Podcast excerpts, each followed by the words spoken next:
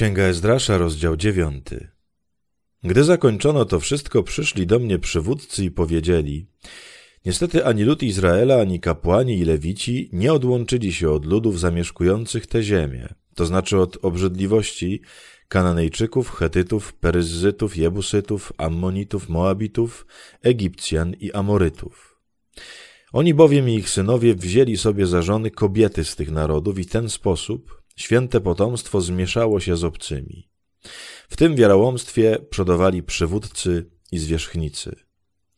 Gdy to usłyszałem, rozdarłem swój płaszcz i szaty, zacząłem rwać włosy z głowy i brody i usiadłem wstrząśnięty. Wokół mnie zgromadzili się wszyscy przerażeni słowami groźby Boga Izraela wobec wiarołomstwa repatriantów, a ja siedziałem zdruzgotany aż do wieczornej ofiary pokarmowej. Dopiero wtedy otrząsnąłem się z przygnębienia i mając swój płaszcz i szaty rozdarte, rzuciłem się na kolana, z rękami wyciągniętymi ku Panu mojemu Bogu. I tak się modliłem. Boże mój, bardzo się wstydzę i nie śmiem, mój Boże, zwrócić twarzy ku Tobie, gdyż nasze winy wyrastają nam ponad głowę, a nasze przestępstwa sięgają aż do nieba.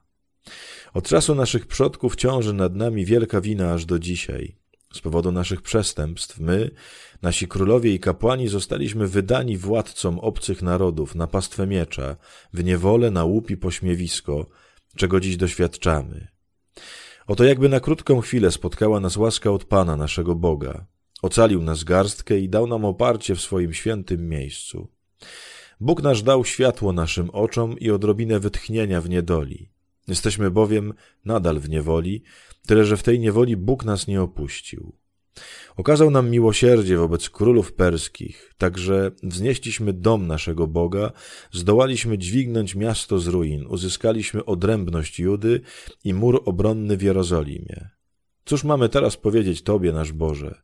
Znowu przekroczyliśmy Twoje przykazania, które nadałeś przez swoje sługi, proroków, mówiąc, ziemia, do której idziecie, aby ją posiąść, jest ziemią splugawioną obrzydliwościami obcych narodów, które wypełniły ją swoją nieczystością od krańca do krańca.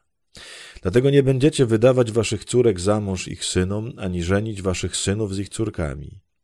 Nie będziecie też nigdy zabiegać o ich dobrobyt, ani szukać z nimi pokoju. Jeśli chcecie stać się silni, korzystać z dóbr ziemi i pozostawić waszym dzieciom wieczyste dziedzictwo.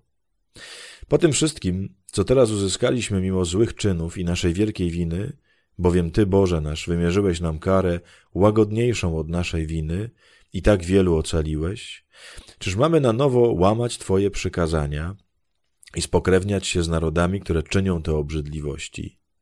Czyż nie zapłonie Twój gniew przeciwko nam aż do całkowitej zagłady, tak że nie pozostanie nawet reszta ocalonych? Panie Boże Izraela, ty jesteś sprawiedliwy, dzięki temu jesteśmy jeszcze tutaj, jako reszta ocalałych. Ale stoimy przed Tobą splamieni winą. Z takim jednak grzechem nie sposób ostać się przed Tobą. Kochani, kiedy czytam takie rozdziały, jednocześnie jestem oczywiście poruszony, ale też jednocześnie jest mi strasznie żal tych ludzi. Jestem poruszony, bo ich serca były naprawdę piękne. Oni byli przekonani, że no właśnie, takie mieszanie się z innymi narodami, po prostu to jest coś obrzydliwego w oczach Pana Boga. I oczywiście, konie, że to może być czasem jakby droga do grzechu, nie? Kiedy nie tyle się oczywiście z kimś tam żenisz, tylko kiedy przyjmujesz po prostu jego obyczaje, kiedy przyjmujesz jego wierzenia.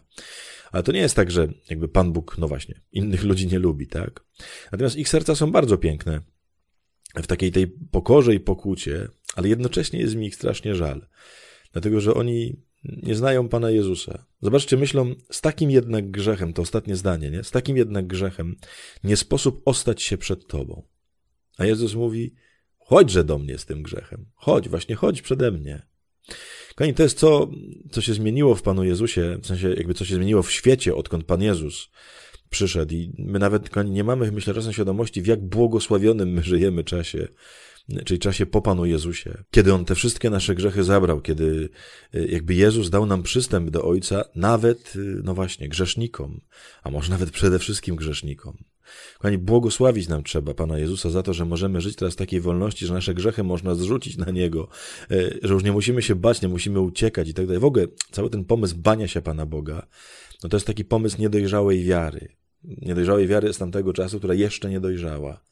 Kochani, jeżeli my się gdzieś boimy Boga, to znaczy, że nasza wiara nie jest po prostu jeszcze dojrzała. Jezus dał nam pełen przystęp do naszego Boga. Zawsze proszę o tym. Pamiętajcie.